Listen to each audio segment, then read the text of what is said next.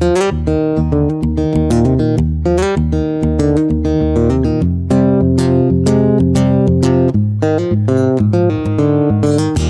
is De Oversteek, een podcastserie over ondernemen in de Verenigde Staten. Want wie wil dat nou niet?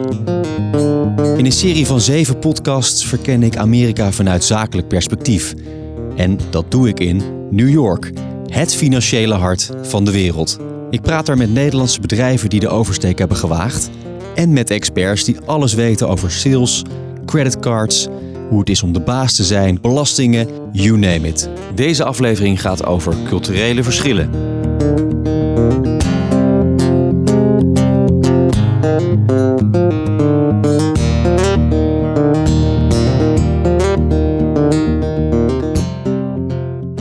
We kennen vooral de stereotypes. In Amerika willen ze alles groot en dat zie je direct aan hun auto's.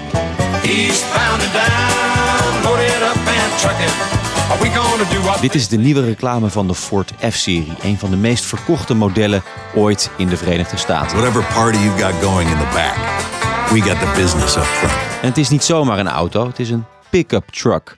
Een grote auto waarmee je vervolgens ook weer grote dingen kunt vervoeren. Wij Nederlanders vinden het vaak een beetje overdreven. Niet alleen de auto's, maar ook de mensen. Oh my god! En natuurlijk kloppen die stereotypes ook enigszins, maar hoe Amerikanen zijn, zeker in het zakenleven, ligt toch iets genuanceerder. Wat in ieder geval in het voordeel werkt voor Nederlanders die de oversteek maken, is dat ze van ondernemers houden. Althans, ze houden van Christe Visser, die ondernemers begeleidt die naar de VS verkassen. Toen ik aankondigde dat ik eh, zelfstandig ging eh, en echt wilde helpen om Nederlandse ondernemers te settelen hier. De, de reacties die ik kreeg, ook van Amerikanen, eh, ja, dat is super cool. Er is heel veel respect voor, voor zo'n zo'n move die je dan maakt. En tegelijkertijd word, je, word ik overal geïntroduceerd en krijg ik vanuit hun eigenlijk referenties van ja, ik heb, word benaderd door deze Europese partij. Ehm, die willen heel graag met mij zaken doen, maar ik heb ze maar even naar jou gestuurd en dan moet jij maar even kijken of, eh, of het wat is. Ze hebben respect voor je en helpen je zelfs aan nieuwe opdrachten. Maar wat als het niet zo lekker gaat? Uh, het is ook niet erg ehm, om te falen. In Nederland is een faillissement is natuurlijk desastreus. En daar heb je er nog jaren last van. Ehm, hier is het, is natuurlijk ook niet tof om failliet te gaan. Maar uh, het is niet het einde. Uh, en ik hoop daar zelf niet mee te maken te krijgen natuurlijk. Maar uh, ze hebben liever dat je het wel probeert en dan faalt, dan dat je niks doet. Uh, dat was voor mij ook wel op een gegeven moment zoiets van, nou, laat ik het maar doen. Want ja, straks woon je in de suburbs, ben je gezetteld en heb je een goede baan. En dan is het heel moeilijk om het te gaan doen. En nu, ja, de tijd zit, zit mee in die zin. Dus ik moet het gaan proberen. En dan heb je in ieder geval maar geen spijt dat je het nooit gedaan hebt.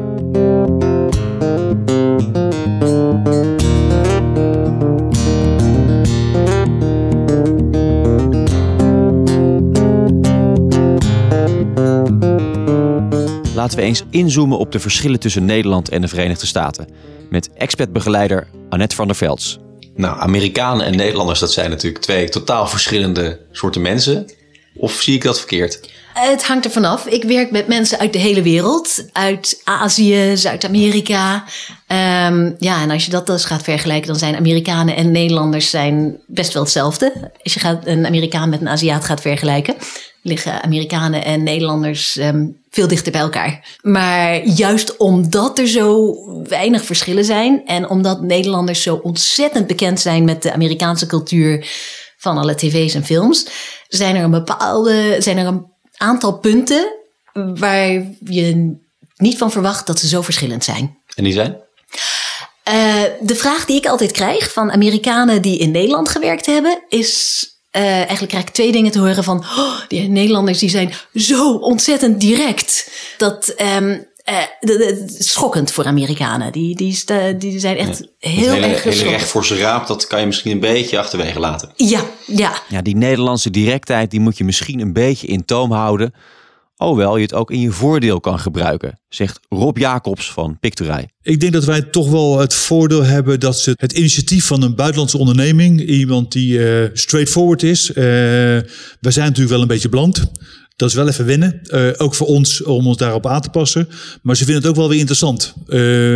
Door gewoon, weet je, mouwen opstropen gaan doen. En eh, gaan er dingen fout in projecten? Natuurlijk gaan er dingen fout. En de Amerikaan is misschien eerder geneigd dan daar een draai aan te geven. En wij zeggen gewoon, ja, we hebben een vak opgemaakt. Maar gaan we herstellen, gaan we aanpassen.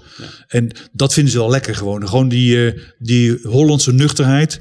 En daar moeten ze wel heel erg aan wennen. Eh, zeker ook in gesprekken. Ja, ik ben zelf ook wel iemand die nogal straightforward is. Dat is dan voor een Amerikaanse onderneming is dat dan wel even wennen. Eh, maar dat valt wel. En het is zeker niet zo. Ik heb dat ook wel rondgevraagd. Van, goh, zijn je nou echt wel op zoek naar een Amerikaanse ondernemer in plaats van iemand die uit Amsterdam komt?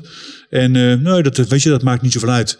Ja, eens kijken op Manhattan, weet je, wat is nou de oorspronkelijke Amerikaan? Die is er bijna niet. Vragen iedereen van waar kom jij vandaan? Ja, mijn moeder of mijn vader komt uit. Nou ja, noem maar alle landen maar op. We profileren ons echt als een Nederlands, als een Nederlands bedrijf met een Nederlandse mentaliteit, maar wel met, met sterke eh, wortels inmiddels in de Amerikaanse markt. Dus we zijn ook echt een Amerikaanse ondernemer. Dus we hebben, zijn, hebben ook echt een ink met ook echt Amerikaans personeel in dienst. Dus er zijn een paar Nederlanders hier eh, die hier rondlopen, maar de rest is allemaal lokaal. Dus eh, als ze mij tegenkomen, zien ze een Nederlander die dan ja, Engels spreekt. En natuurlijk eh, is niet mijn voertaal, dus dat zal altijd gebrekkig zijn. Maar eh, de uitvoerende krachten zijn allemaal locals. En het is misschien ook wel verstandig om Amerikanen in dienst te hebben, want die begrijpen toch net iets beter de Amerikaanse bedrijfscultuur. Die is misschien wat harder dan in Nederland, zo merkte ook Marcel van Tuin van Beemster Kaas. gemiddelde Amerikaan, en dat is natuurlijk enorm generaliseren, maar een gemiddelde Amerikaan die zal, eh, die zal sneller pakken en sneller dingen naar, zichzelf uitleggen dan de gemiddelde Nederlander ondernemer. Althans, zoals ik daar gewend geweest ben, maar ik heb de indruk dat dat in Nederland ook enorm aan het veranderen is. Ehm, maar, maar je moet dus heel goed opletten met dat je heel duidelijk afspreekt. En, eh, en het ook met bepaalde dingen heel goed vastlegt. Ja. Betekent dat dat je eh, niet eh, van een mondelinge afspraak uit kunt gaan hier in Amerika? Nou, dat, dat ligt dan aan het onderwerp natuurlijk. Ehm, je kunt absoluut bepaalde dingen mondeling afspreken, maar je moet heel goed opletten van wat leent zich daar goed voor en wat niet. Dus, dus een, een Amerikaan die heeft heel vaak van, hè, ze zeggen wel, de, de chips fall where they may. En als het eh, in mijn voordeel uitvalt, dan pak ik het. En eh, dat is dan jammer voor jou. Zijn mensen hier zakelijker dan in Nederland? zakelijker of harder of, of, of zeer waarschijnlijk als je nou een Amerikaan daar heel zwaar over aan de tand zal voelen, die, die zal zeggen nee dat is helemaal niet zwaar of hard. Ja gewoon, ja zo pakt het uit. Jan Joosten van Baker McKenzie deelt die conclusie. In de Verenigde Staten is het heel erg belangrijk wat er precies in het contract staat. Het gaat echt om de letter van het contract. En soms noemen mensen dat ook wel eens het beginsel van de vier hoeken van het contract. Een stuk papier heeft vier hoeken, althans meestal. Eh, en, en daar wil de rechter eigenlijk zien dat het in dat contract allemaal precies staat wat partijen hebben afgesproken. Dus er zijn allerlei regeltjes waardoor het eigenlijk heel moeilijk is om achteraf te zeggen: ja, maar dat hadden we niet zo bedoeld. Of er was nog een e-mail die we van tevoren hadden gestuurd waarin we eigenlijk iets anders hadden gezegd. Of waarin we gezegd hadden, ja het staat wel zo in het contract, maar dat gaan we nooit toepassen. Van dat soort dingen, daar houdt de Amerikaanse rechter niet van. Die wil dat het allemaal heel precies in het contract staat. Nou, en dat is een investering, want wat betekent dat? Dat je al heel vroeg eh, je advocaat bij het proces zal moeten betrekken. En dat je ook zelf als Nederlandse ondernemer echt heel precies door dat contract zal moeten lopen. Je hebt dus niet de warme deken die je in Nederland hebt van de redelijkheid en billijkheid. Dat als je iets vergeten bent op te schrijven, dat de rechter het aanvult op een soort redelijke manier. Of als je iets op hebt geschreven wat achteraf heel erg onredelijk blijkt te zijn, dat de rechter gaat zeggen: Oh, dat is zo in strijd met de redelijkheid en billijkheid, dat gaan we hier niet toepassen. Die warme deken, die heb je niet in Amerika. Dus je moet het gewoon echt van tevoren helemaal goed geregeld hebben.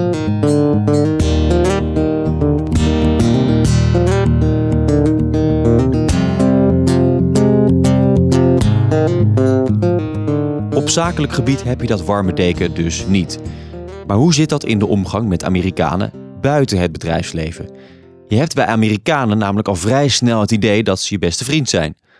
Annette van der Velds legt uit hoe dat komt. Amerikanen zijn heel open. Die, eh, eh, die vertellen heel snel eh, de meest persoonlijke details. Ehm, dus als je bijvoorbeeld in het vliegtuig zit en je begint met de Amerikaan naast je te praten, eh, dan weet je aan het einde van de vlucht weet je alles over eh, de familie, ehm, misschien over de financiële situatie, over hoe vreselijk het op werk is. Ehm, je weet alles over ze. Maar dan is ook meteen einde, einde relatie. Dan wissel je daarna niet telefoonnummers uit. Dus Amerikanen geven meteen heel veel persoonlijke details. Maar hebben dan niet de verwachting dat we nu beste vrienden zijn. Ehm, dan is het gewoon. Dus, dus als ze niet gelijk heel veel met je delen, dat, dat betekent dan eigenlijk dat, dat ze je aardiger vinden en misschien nog, je nogal een keer willen zien. Ehm, nee, dat ook Niet? Oh, nee, het is gewoon in de. En, en natuurlijk, kijk, je kan niet de Amerikanen over één kam scheren. Maar ehm, Misschien moet je er ook niet te veel over nadenken. je moet er niet te veel over nadenken. Het is gewoon heel normaal dat je, vergeleken met Nederlanders, dat je als Amerikaan meteen een heleboel persoonlijke informatie geeft. Maar dat je daar verder geen verwachtingen eh aan stelt dat je nu beste vrienden bent. En dat je elkaar, ehm, dat je nog een keer afspreekt. Maar stel dat je wel wil afspreken. Hoe benader je dan de Amerikaan? Gewoon jezelf zijn. Amerikanen benaderen jou. Als je bijvoorbeeld ergens komt wonen en je woont in een wat hechtere buurt, dan eh, staan de buren eh, meteen die dag op de stoep met eh, brownies. Of wij kregen van onze buren kregen we een zalige groenteschotel toen we hier naartoe verhuisden. Staan meteen voor de deur en maken een praatje. En als dan blijkt dat je uit Europa komt, nou dan, dan zijn ze zo geïnteresseerd. Want Amerikanen zijn dol op alles wat Europees is en anders is. Europees anders. Ehm, en zijn ze hartstikke geïnteresseerd. Dus stap op jou af. Ze nemen vaak zelf het initiatief. Ja, ja, Ja. ja. Dus eh, moet je dat dan ook zo laten gebeuren? Moet je ze een beetje laten leiden? Is dat, eh, is dat, is dat wat ze fijn vinden? Ehm, ja, je weet niet goed wat voor mensen het zijn. Eh, dus ja, ik, ik, ik raad iedereen aan van laat het maar gebeuren. Ehm, want wat heel ehm, verwarrend is, dat Amerikanen heel vaak zeggen van, oh, we have to get together, let's do coffee. En als Nederlander denk je van, let's do coffee. Oké, je trekt je agenda en zegt volgende week woensdag. Ehm, maar een Amerikaan als die zegt van, let's do coffee, dan betekent dat niet dat ze volgende week woensdag koffie met je willen drinken, maar dat betekent van, ik vond het gezellig. Ik zou het leuk vinden om je nog een keer te spreken. Maar die maken dan niet een afspraak. Nee. Maar die hebben meer zoiets van: ik kom je wel tegen in de Maar supermarkt. kan je dan wel eh, de week daarna bellen om een keer koffie te drinken?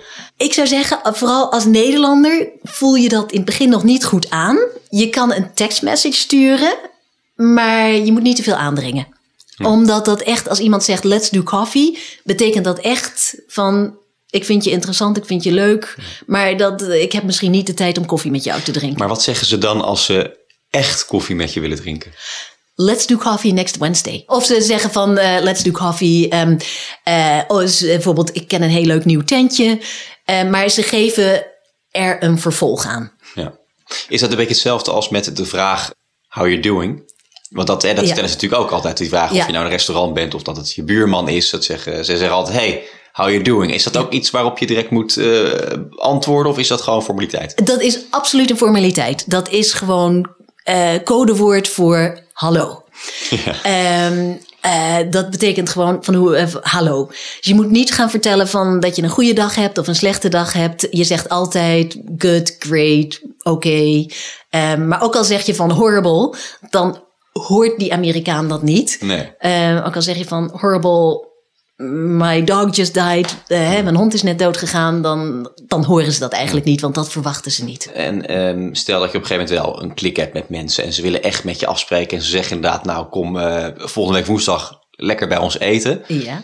Eh, hoe bereid je dat voor? Moet je, moet je iets meenemen? Moet je nog aan tafelmanieren denken? Waar moet je aan denken? Je moet je zeker voorbereiden. Het is, het is wel zo leuk om iets mee te nemen. Ehm, maar daar moet je ook weer goed op voorbereiden. Je hebt, eh, er zijn een heleboel mensen die echt eh, foodies zijn. Die hebben dus een heel menu met wijnen en zo. Dus als jij met je wijn komt, dan hebben ze aan de ene kant zoiets van: oh, leuk dat je wijn meeneemt, die moeten we drinken. Maar waarschijnlijk hebben zij een menu voorbereid met hun eigen wijn. Dus dan clash dat Dan een neem je beetje. rode wijn mee, maar die past dan natuurlijk niet bij de vis. Nee, precies. Ja. Eh, Amerikanen drinken rode wijn bij de vis. Oké, ja. Dat, eh, ja. Ook goed om te weten. Ja, eh, het is niet dat als je vis hebt, Nee. dat je dan witte wijn, dat, dat is niet vanzelfsprekend. Dus je moet een, ehm, eh, ik zou iets neutraals meenemen, wat bonbons. Het is altijd leuk als je iets uit Nederland meeneemt. Maar een heleboel Amerikanen hebben zoiets van, wat is dit? En die zullen zeggen, oh, wat fantastisch. En dan kijken van, wat moet ik hiermee? En dan gaat het achter in de kast. En, Maar en ja. Gouda kaas, dat is altijd wel veilig. Ehm, ja, Gouda kaas wel. Dropjes niet. Ehm, stroopwafels zijn hier opeens heel populair. Ja. Eh, dus dat zou wel kunnen. Maar ja, dropjes of iets echt typisch Nederlands. Dat, eh, dat, dropjes zijn heel Nederlands, dat, dat niet. En dan gaan ze eten en dan eh, laten ze hun mes gewoon liggen. Ja, precies. Ja, grote discussie eh, thuis met mijn kinderen die in Amerika geboren zijn. eh, geboren en getogen.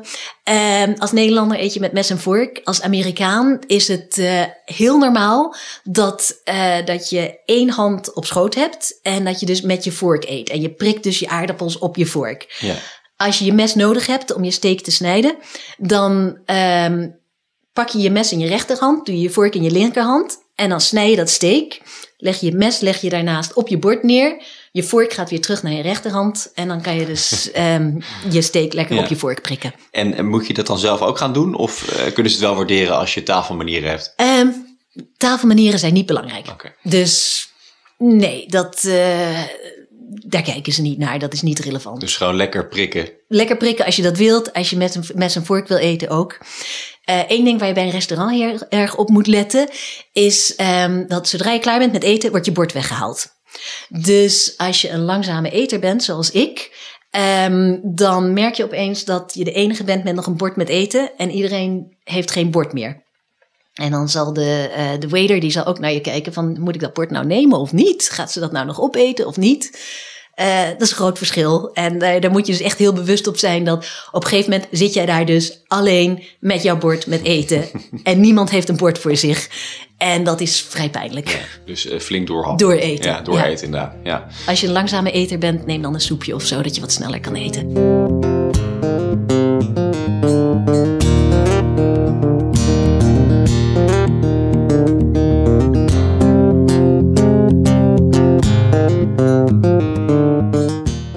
De oversteek maakt naar Amerika, dan ga je daarheen voor je werk. Je wil je business uitbreiden. En waarschijnlijk bestaat je leven dan ook voornamelijk uit werken.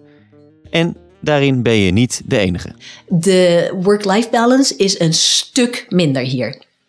Mensen hebben ook weinig vakantie, hè? Bijna hebben geen vakantie. Bijna geen vakantie. Je moet je vakantiedagen echt opbouwen. Ik merk wel dat er een verschil zit in New York. Heb je vooral bij Wall Street en de eh, advocatenkantoren zijn ze wat ruimer met de vakantie. Maar de rest van Amerika moet je dat echt opbouwen. Dus na een jaar heb je misschien een week vakantie. Als je dus al een tijd lang voor een bedrijf werkt, dan heb je dus redelijk veel vakantie. Maar je mag een week je lang op vakantie gaan. Twee weken. Nou, dat, dat is ongebruikelijk als je twee weken achter elkaar gaat. En dan wordt er wel verwacht dat je tijdens die tijd nog even je e-mail bijhoudt. Drie weken achter elkaar weg. eh, Zoals wij doen, vier weken lang Oh, naar nee. Zuid-Frankrijk. Dat gebeurt gewoon. dat gebeurt niet. En, en sowieso niet meerdere keren per jaar. Maar goed, eh, betekent dat dan ook dat je hier als eh, ondernemer de werknemers ook niet te veel vakantie moet geven? Omdat het normaal is? Of kan je best als Europese baas zeggen, nou, wij doen het anders. Hier krijg je lekker vier, vijf weken. Eh, dat gaat niet, want het bedrijfsleven draait gewoon door. Dus als jij vier, vijf weken ertussenuit gaat en jouw klant ehm, die heeft iets nodig. Eh, dan, en, dan is het zo van ja, sorry, de baas is vier weken weg. Nee, dat gaat niet. Dat, dat zullen klanten niet pikken. Maar nee, het, eh, business gaat gewoon door. Zelfs in juli en augustus, als eh, half Europa op vakantie is, gaat business hier door. Het leven gaat door, maar vooral de business gaat ook altijd door in Amerika. Dit was de zesde aflevering van De Oversteek. Wil je niks missen? Abonneer je dan via Spotify of iTunes.